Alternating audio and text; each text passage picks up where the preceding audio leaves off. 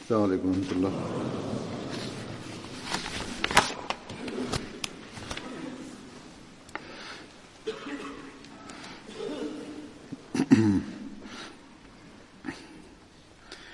أشهد أن لا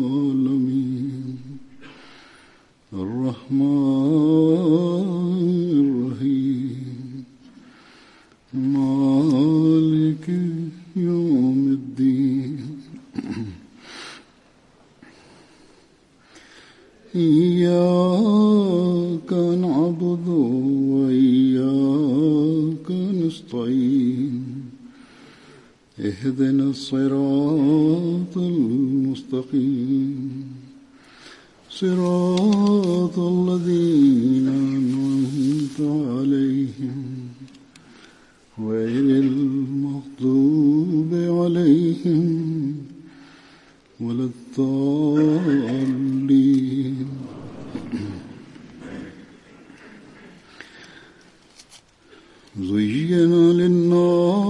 حب الشهوات من النساء والبنين والقناطير المقنطرة من الذهب والفزة والخيل والخيل المصومة والأنعام والحرث ذلك متاع الحياة الدنيا والله عنده حسن المعاب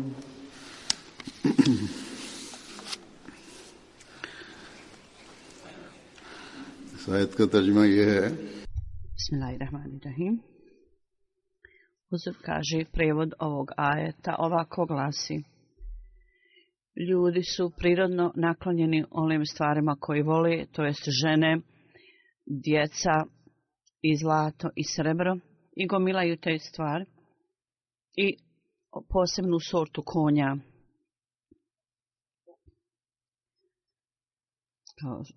I ove stvari su im vrlo privlačne. Ovo ću svjetovne obskrbe, Allah Đelšanhu je onaj koji je najbolji najbolje mjesto gdje treba da se vraćamo i okrećemo, i kojim ćemo se vratiti. Uzor kaže, Rađa Žanhu je oslikao ovu sliku i opisao ovo stanje onih ljudi koji zaboravljaju Allaha Đelešanhu i postizanje svjetovnih ciljeva i stvari i njihov cilj. I kad osoba zaboravi Allaha onda žedan, žetan preuzima kontrolu nad njim. A sve ove stvari su stvor, Allah je stvorio sve ove stvari i one su među Allahovim blagoslovima i blagodatima. I ljudi treba da izvuku korist od toga, imaju korist od toga. Zatim simao udali Salma obećani Mesija je također vrlo jasno objasnio da svjetovni poslovi i biznisi držati dalje od toga je pogrešno. Neophodno je da se oženimo. To je naša plementa tradicija časnog postanika, sallallahu veselem. Časni postanik se ženio i njegovi ashabi također su se ženili. Također su imali dobar posao i neki ashaba su imali milione vrijednosti metka. Međutim, oni nisu bili potpuno naklonjeni svijetu i oni nisu predali se čitav potpuno svit. mi se ali salam kaže, zapamtite da lađer Šanhu ne želi da vi potpuno napustite svijet. Međutim, njegova namjera, njegova želja je, to jest u prevodu, kaže, kogod sebe očisti, on je ostvario svoj cilj, ispunio, dostigao svoj cilj. I kaže, radite posao, činite zemljoradnju, te poslove koje god želite i šta god želite. Međutim, uvijek se zaustavite od toga da budete neposlušni prema Allahu i očistite sebe do tog stepena da sve ove stvari vas ne čini da budete nepaživi prema Allahu, da zanemarite Allah. Jedan put je spomenuto da je dužnost osobe i zahtjeve njeni neophodno je, međutim ići do krajnosti u ovim svjetovnim željama nije odobreno. Dakle, uvijek treba da imate na umu ovu stvar, svi vjernici trebaju to imati na umu, da ljubav pred svjetovnim stvarima ne smije biti takva, da vas učini da zaboravite Allaha Đerašanu, kao što je Allaha spomenuo.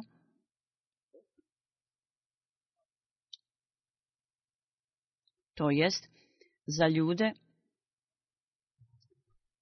je ljubav prema svetovnim željima pokazana kao lijepe stvari i također su spomenuti detalji šta su sve te, koji su stvari koji su, koje su, ljude. A ovi i ove stvari nemojte uzimati da je to vaš cijeli život. I spomenuti su oni ljudi koji su potpuno opijeni u ljubavi prema svijetu. i njihov cilj njihovog života je da postignu ove stvari. A šahova znači izuzetna ljubav, kralja ljubav prema nečemu u pogledu koje osoba uvijek razmišlja o tome i vodi brigu o tome. Također to znači da bilo koji cilj ili bilo koja stvar koja je bazirana na čovjekovim željama je vrlo niska, niska želja, ili seksualna želja. Ako je to pretjerano, da se to naziva šahava. I, a ovdje je Allah Đelešanhu spomenuo da ljubav prema ovim stvarima su stavljene u ljudi stavljaju to u srce, a to nije od Allaha i to nije kao blagoslov dat ljudima, nego je to od šeitana. I općenito želja nije takva ili nije ljepota ovih stvari. Međutim, ali ljubav prema ovo, ovoj ljepoti je do, te, do tog stepena, da čovjek voli te stvari do tog stepena, da je uvijek uznemiren s ciljem da to stekne, da to dobije i onda ima izvanrednu ljubav, prekomjernu ljubav prema tome ako osoba to ima i kad osoba od, ide do ovog stepena, onda on, on, tu više ne ostaje blagoslovi te stvari, nego ostaju samo njegove želje. I za postizanje ovih stvari čovjek posvaja sve nezakonito i neodobrivo.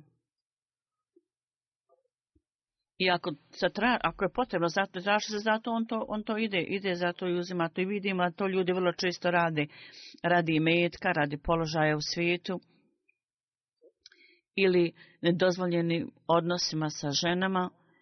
Ljudi rade sve ove vrste stvari. Ili ako se ožene, onda s ciljem da steknu mnogo imetka, njihova želja je da dovedu ženu koja je dobro, imu, vel, dobro imućna je. I samo svjetovne stvari su njihov cilj. Nažalost, Uprkos činjenice da je Allah Đalešanhu dao ljudima tako predivno i čisto učenje i također ih upozorio.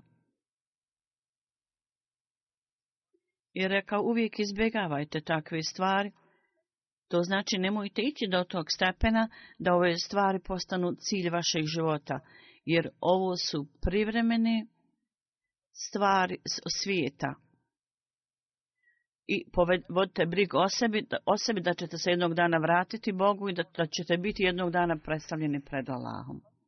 Uprko svega ovoga, muslimani, većina muslimana mi vidimo da su potpuno izgubljeni radi postizanja ovih stvari i zaboravili su svrhu svog života.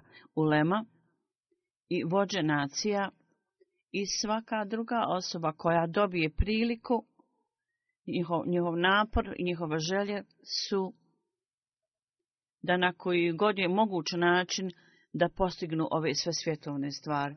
Kad ove želje su kod, kod vođa nacije, onda to nanosi veliki gubitak ljudima te zemlje, stanovnicima te zemlje. Sada u muslimanskim zemljama vlada nered i koji vidimo to je zbog činjenici što, što je Allah Đelešanuhu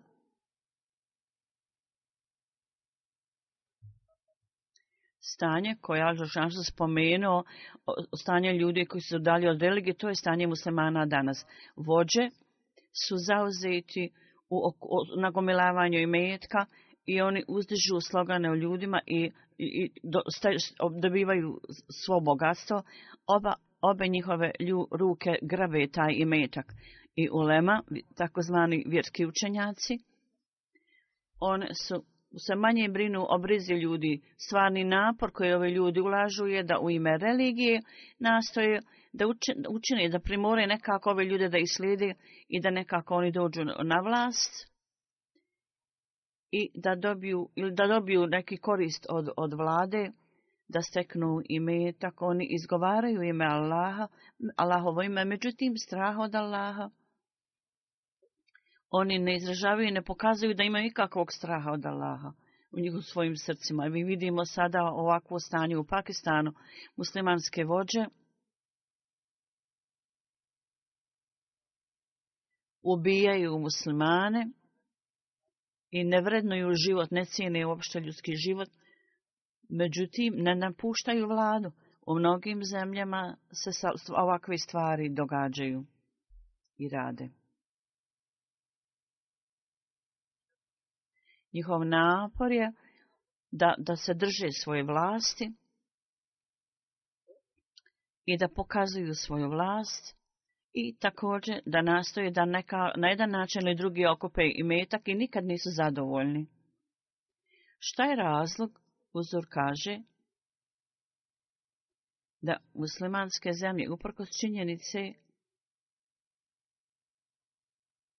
da u nekim zemljama su oni stekli ogromno bogatstvo, imaju prirodne izvore, međutim, ipak je stanje njihovo tako loše, da siromašni ljudi postaju sve siromašniji, a drugi ljudi gomilaju svo to bogatstvo i metak.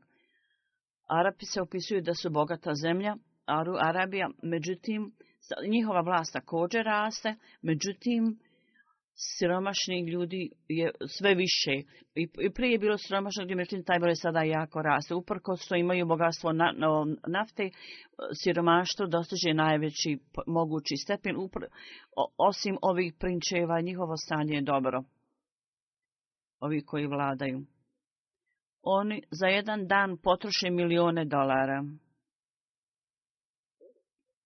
i oni gomilaju imeta kroz nedozvoljena sredstva ili otimanjem prava drugih siromašnih ljudi. I to također troši na takav način koji nije odobren koji je nezakonit. Allah Đelešanuhu ovim vođama i ovim upravljačima, vladarima i ljudima koji se uvijek brinu samo o svojoj vlastitoj koristi, da imala dadne mudrost da steknu imetak na prikladan način i da to koriste na u prikladne svrhe. Ako budu tako radili, bit će u stanu da steknu zadovoljstvo i također u svjetovnom smislu imat će položaj i moć. Druge svjetovne vlade će umjesto da ove ljude čine i premraju da ih slijede, zapravo će slijediti pobožne ljude i sada je i, i Sada je velika halabuka da je američki predsjednik spomenuo da će premjestiti svoju ambasadu u Jerusalem i proglasiti to glavnim gradom e, Izraela. Praktično je kancelarija Izraela također tamo, međutim također svjetovne vlade nisu to prihvatile. Sada, poslije ovog proglasa, jako je puno glasova je dignuto protiv toga, Međutim, ljudi podižu ovu glavu i suprostavljaju se ovoj izjavi. Međutim, ovo je sve zbog toga što su muslimanske zemlje slabe, zbog slabosti u njima, zbog ratova u muslimanskim zemljama i uznemirenosti i nemira u ovim muslimanskim zemljama. To je dalo priliku ovim protivnicima da stvaraju ovakve situacije i da, da daju ovakve proglase. Američki predsjednik želi da muslimani, da kod muslimana nema, nema mira, da nemaju mir, da ne postoji i da mogu nastaviti da rade sve što žele onda oni. Saudi Arabija je također proglasila da odluka ovog američkog predsjednika uopšte nije prihvatljiva. Prije nekoliko dana oni su se u svemu slagali sa, Amerikom, šta god je predsjednik njihov rekao i proglas protiv Irana, oni su također podupirali pogled mišljenja Amerikanata. U to vrijeme su trebali misliti da, da, da treba da budu sa svakom muslimanskom zemljom. Prema tome i zato svaka velika sila, ako poduzmu neke korake protiv muslimanske zemlje, mi to nećemo prihvatiti. Tako, tako su trebali imati stav. Slično tome poduzete su mjere protiv Jemena, protiv korake. Oni, su dobili pomoć strani zemalja u tome. Tamo, s ciljem da pokažu svoju moć i svoju silu i da imaju kontrolu na tom ovlasti i da dobiju koristi od Amerike, oni su se slagali sa tačkom gledišta Amerike, sa njihovim mišljenjem. oni su se udaljili od naredbe al i oni su neposlušni prema Allahovim naredbama. Ovo je neposredni rezultat koji sada vidimo. I ovi ljudi ovi ljudi preuzmaju potpunu kontrolu nad ljudima, Amerikanci nad, nad Saudicima obećane mesije u pogledu ovih ljudi koji tragaju za svetovnim, svetovnim stvarima i da ostvari svoj cilj. Njihov primjer je dat kao primjer osobe koja E, koji ima svrbež i, češe, se, češe svoje tijelo i osjeća zadovoljstvo pri tome. Međutim, češući svoje tijelo tako, tako snažno, on, on se osjeća lijepo i kaže baš mi je lijepo i ugodno. Međutim, činići tako, on zapravo povredi svoje tijelo, on se osjeća prividno, uživa i, i ugodno Međutim, njegova vlastita koža bude razdarana od tog češanja. I ponekad mnogi ljudi čak krvare obilato toliko povrijede svoju kožu razderu. Ovo je dakle primjer. To jest, takve želje koje osoba želi i sviđaju im se, mogu stvoriti uzrok i povod uznemirenosti za tu osobu. Ovi ljudi misle njihova vlast raste, njihova moć raste ili naša grupa postoji sve snažnija. Oni zapravo sami sebe raskrvari i krvari. Allahova srđba je povrh svega toga. Ova tema o Allah Đelšanu je spomenuo na ovaj način.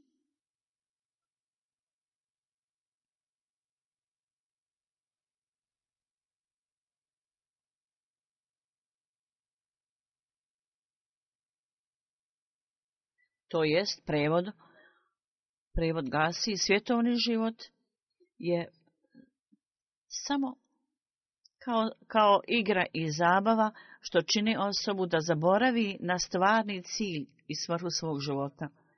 I smatrati sebe bolje od drugim i, nad, na, takmičiti sa jedan na drugim u potom i metko, primjer ovog života je kao zemlja, kad, ta, kad tamo ima zelenla izgleda vrlo lijepo, međutim, kad vidimo da se, da se da, da se zasadi zelenilo osuši ili potpuno bude uništeno, to, to je kad podi Allahovo, Allahovo ne Allahovo, ovo svjetski život je samo prevara.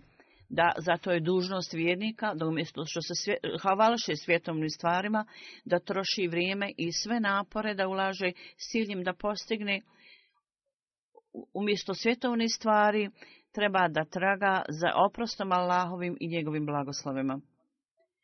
I ne smije upropa pokvariti svoj život u tjeranju i gonjenju ovih svjetovnih stvari. Opskrba ovo svjetskog života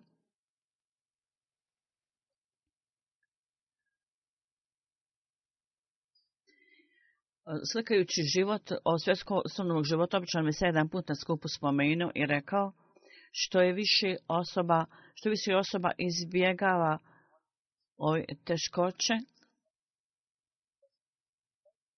i svjetovne stvari. Osoba koja to izbjegava, on bude zadovoljen. Inače, uvijek će osjećati uznemirenost i namir. Dakle, svrha je da osoba napusti borbu za svjetovnim koristima i treba da potpuno se udaljite od toga čovjek koji jaše na leđima konja. Bio jedan čovjek i jahao je na konju i prošao je pored prosjaka koji jedva bio kako treba odjeven i pokriven. Vrlo oskudna odjeća je bila na njemu. I ovaj jahač je pitao prosjaka, kako si? prosjak je odgovorio, osoba koja ima sve svoje želje ispunjene, kako je stanje te osobe? Tako da je ovaj jahač bio jako iznenađen. Kako to da imaš sve želje ispunjene?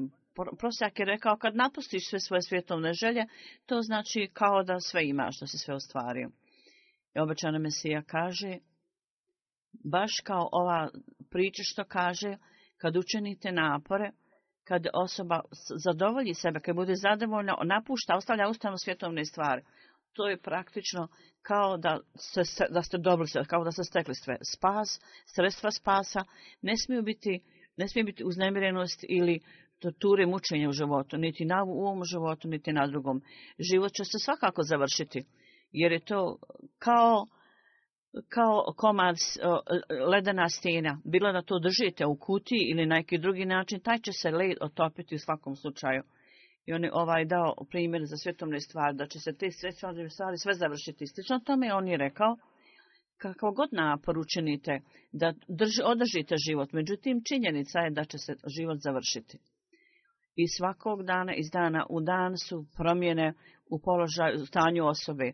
Ima doktora i liječnika.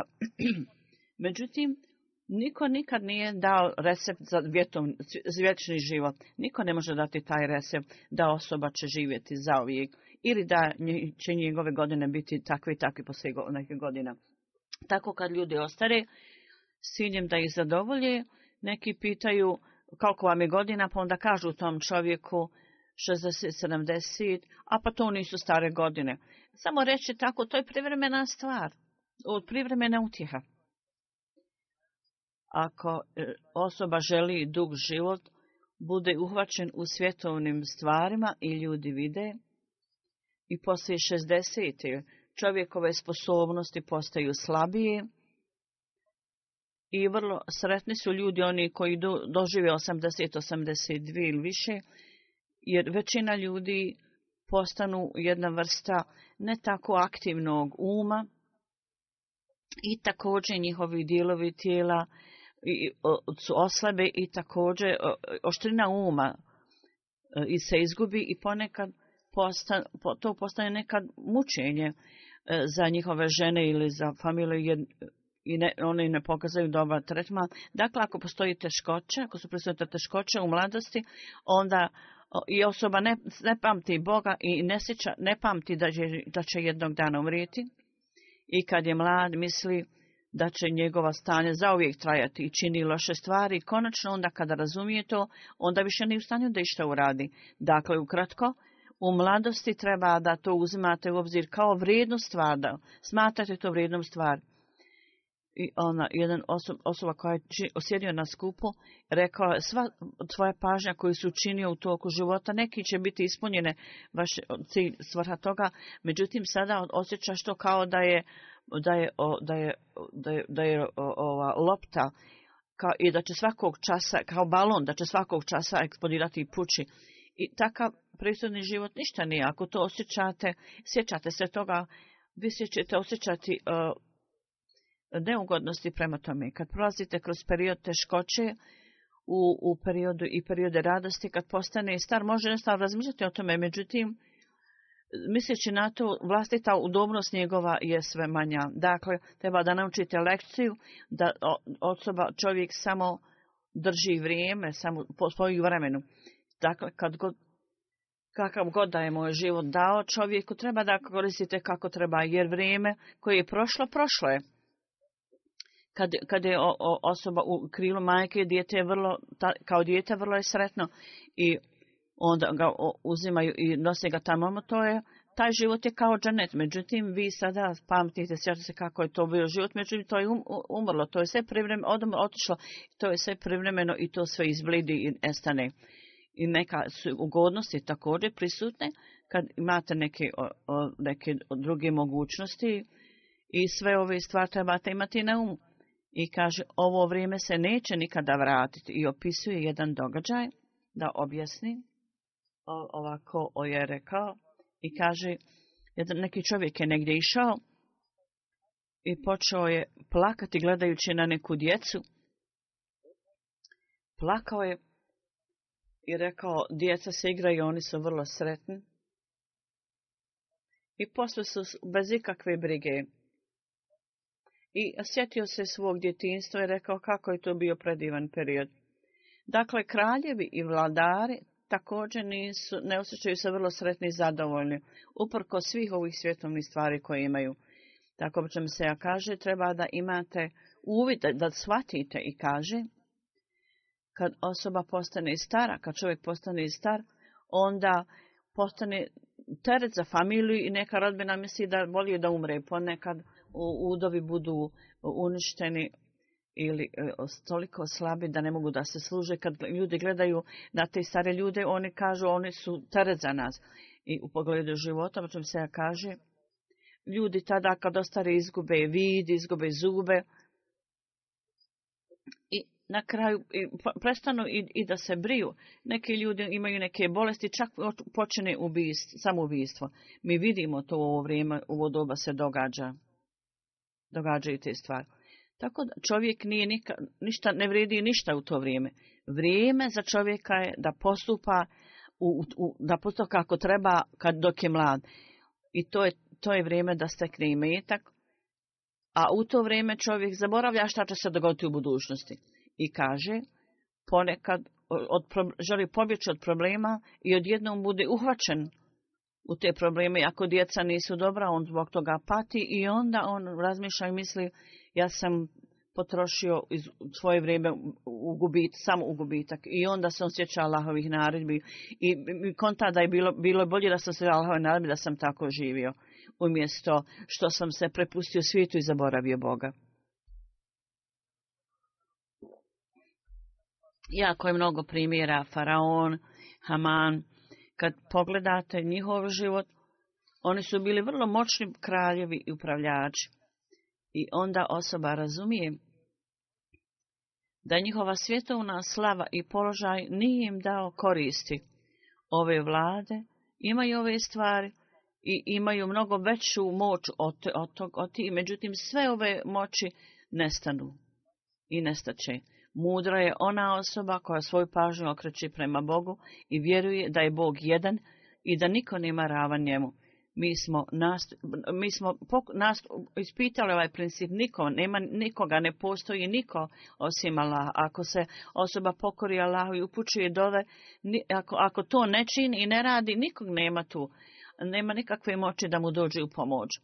Toliko je mnogo ljudi prošlo iskusilo, zapamtite, ako nema jedinog Allaha da pomogne, nema nekog drugog. On je taj koji stavlja ljubav u srce majke, inače ona ne bi bila u stanju da hrani djecu. Zato on savjetuje ovo, obično mi se je ljudi koji su bili tamo prisutni. O tako ih je savjetovao.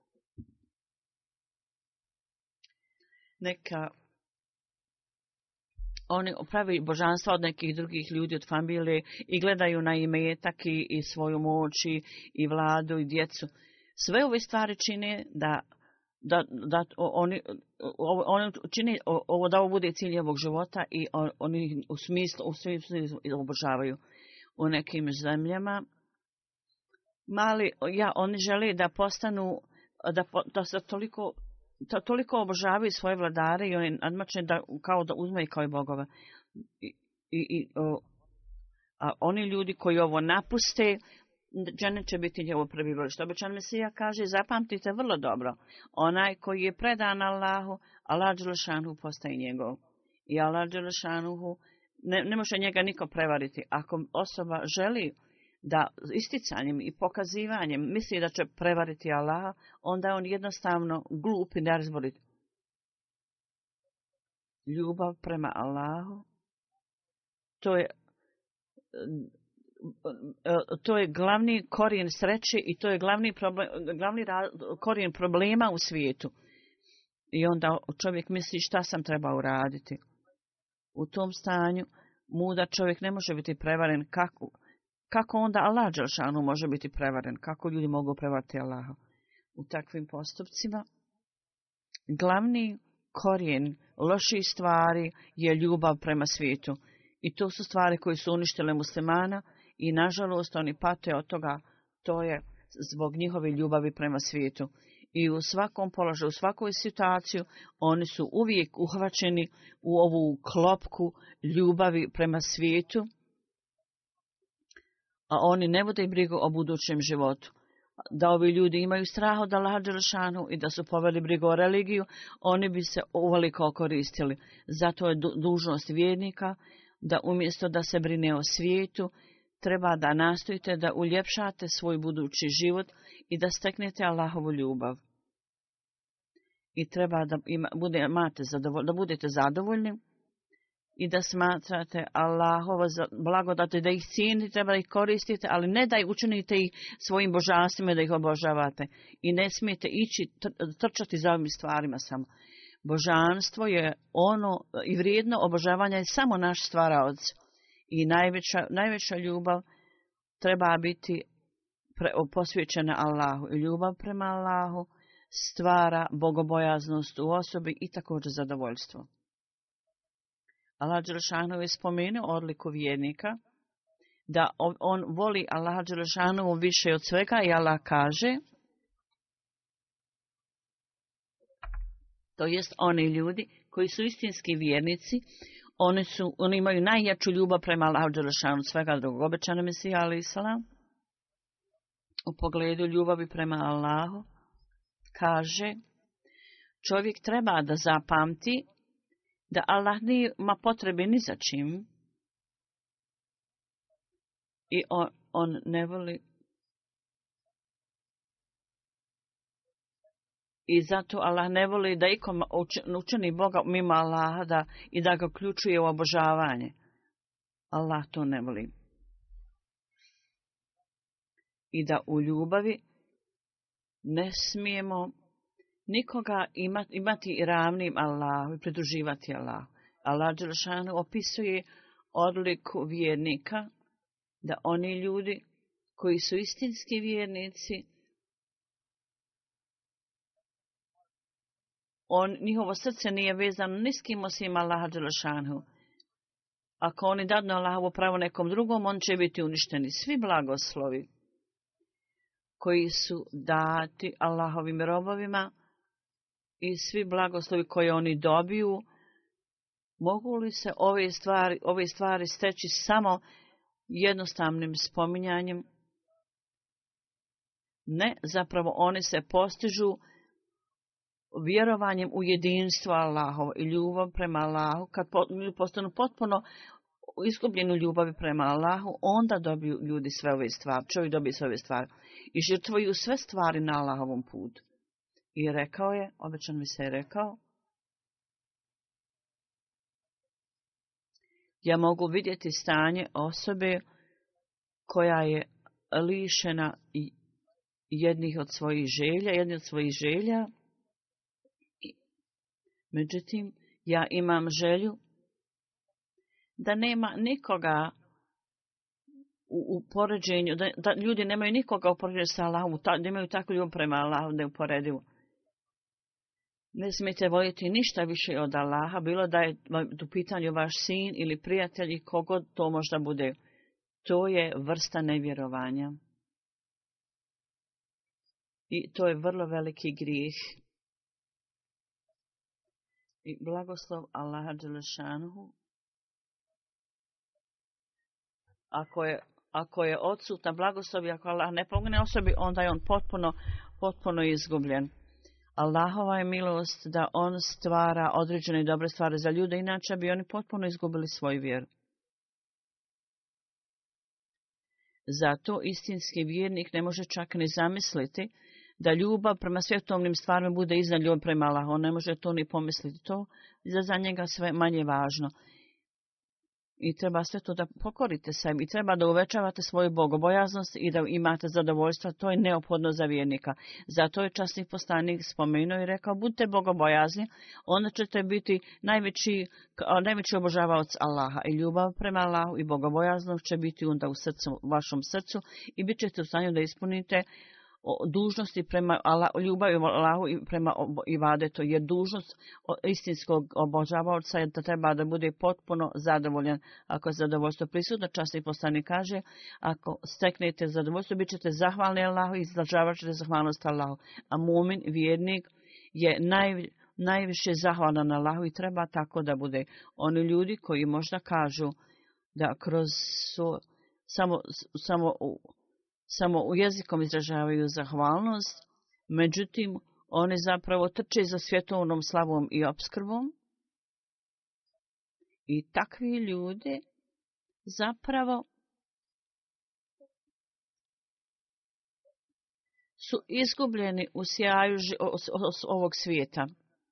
Jednom prilikom časni postanik sallallahu Salem je rekao za sina čovjekovog da ima cijelu cijelu dolinu zlata, onda želi još jednu dolinu zlata. I rekao je, njegova usta će samo biti ispunjena prašinom kad ode u grob. I to je kraj njegovih svjesovičnih želja i pohlepe. I onda je rekao, Allah Đelešanhu prihvata pokajanje onoga koji se kaje i u toku života ima vrijeme i svako treba da, da kad napravi neku grešku treba da se pokaje pred Allahom. Časni postanik, sallallahu alihi veselem, standard zadovoljstva vjernika u pogledu toga on kaže da osoba kad ima potpuno zadovoljstvo i puno fizičko uh, zdravlje, on u tome udovolji i ima opskrbu za jedan dan, kao da je sve stekao na svijetu kad ima opskrbu za jedan dan i sve njegove sve blagodati su mu date. Ovo je standard zadovoljstva za vjernika. Da ne dadne ovaj blagoslov zadovoljstva nama i da, i da nam da podari bogobojaznost i umjesto ljubavi prema svijetu, da da s vrhom svog života učinimo ljubav prema Allahu i da tražimo i da steknemo Allahovu zadovoljstvo i blagoda, blagoslove. Također želim da svenim pažnju na dove koji sam ranije e, spomenuo, da molite činite dove za vođe muslimanskih zemalja koji, koji trče za svjetovnim koristima, umjesto da se obrate Allah, da se na Allahu, oni, oni su veliki sile učinili kao da su njihovi bogovi i misle da će prijateljstvo s njima, da će to biti sredstvo za njihov napredak i održavanje, dok je činjenica zapravo sasvim drugo. U novinama je nedavno, jedne novine su rekle u Americi, i taj pisac članka je na mnogo načina je spominuo mnogi stvari. Jedan od načina rekao je ovako da ljudi, odnosno Washington, ljudi su smatrali da je uzor i okretali se tamo. Sada ljudi misle, ljudi, ljudi su mislili da, da, da je on uzor, da treba da slidi ovaj uzor. Međutim, taj, tako, takvo stanje više ne postoji, nije, oni više ne uživaju takav položaj. Jer oni misle sada da je glavni grad Kine uzor, a Amerika da je izgubila svoj položaj i slav. Tako da ovo svjetska pomoć, to je samo kao dolazak i odlazak. Muslimani trebaju da razumiju ovu stvar. I ovo je proglas ovaj proglas da Jerusalim učini uh, glavnim gradom Izraela i da tamo premjesti ambasadu, oni misle da njihov odnos sa Izraelom će na taj način biti jači. Međutim, oni mogu tako misliti. Međutim, kad dođe pad od Allaha, onda ove svjetovne veze i dogovori nemaju nikakve koristi. Sada izgleda za velike zemlje, za Ameriku, da je ova stvar već započela kakav će biti njihov izlaz, kad će biti više, bit će pokazan i ja sam Allah znao. Međutim, ovaj njihov napor da čini da muslimani bore se zajedno, i ovaj stvari se poveća. su u porastu, moramo moliti Allah za ovaj svijet, da Allah dane muslimanima mudrost da budu ujedinjeni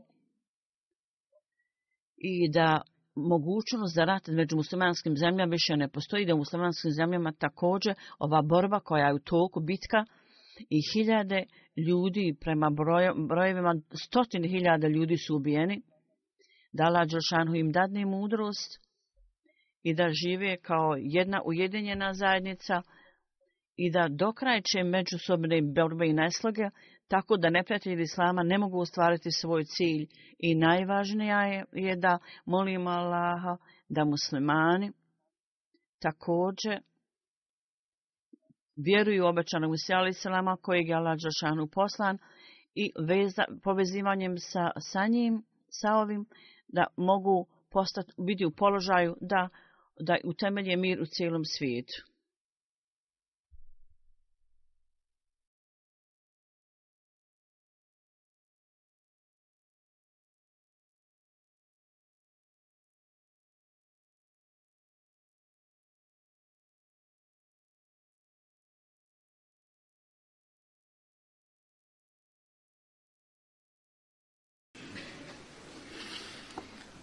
الحمد لله الحمد لله نحمده ونستعينه ونستغفره ونؤمن به ونتوكل عليه ونعوذ بالله من شرور انفسنا ومن سيئات اعمالنا من يهده الله فلا مضل له ومن يضلل فلا هادي له ونشهد ان لا اله الا الله ونشهد ان محمدا عبده ورسوله عباد الله رحمكم الله إن الله يأمر بالعدل والإحسان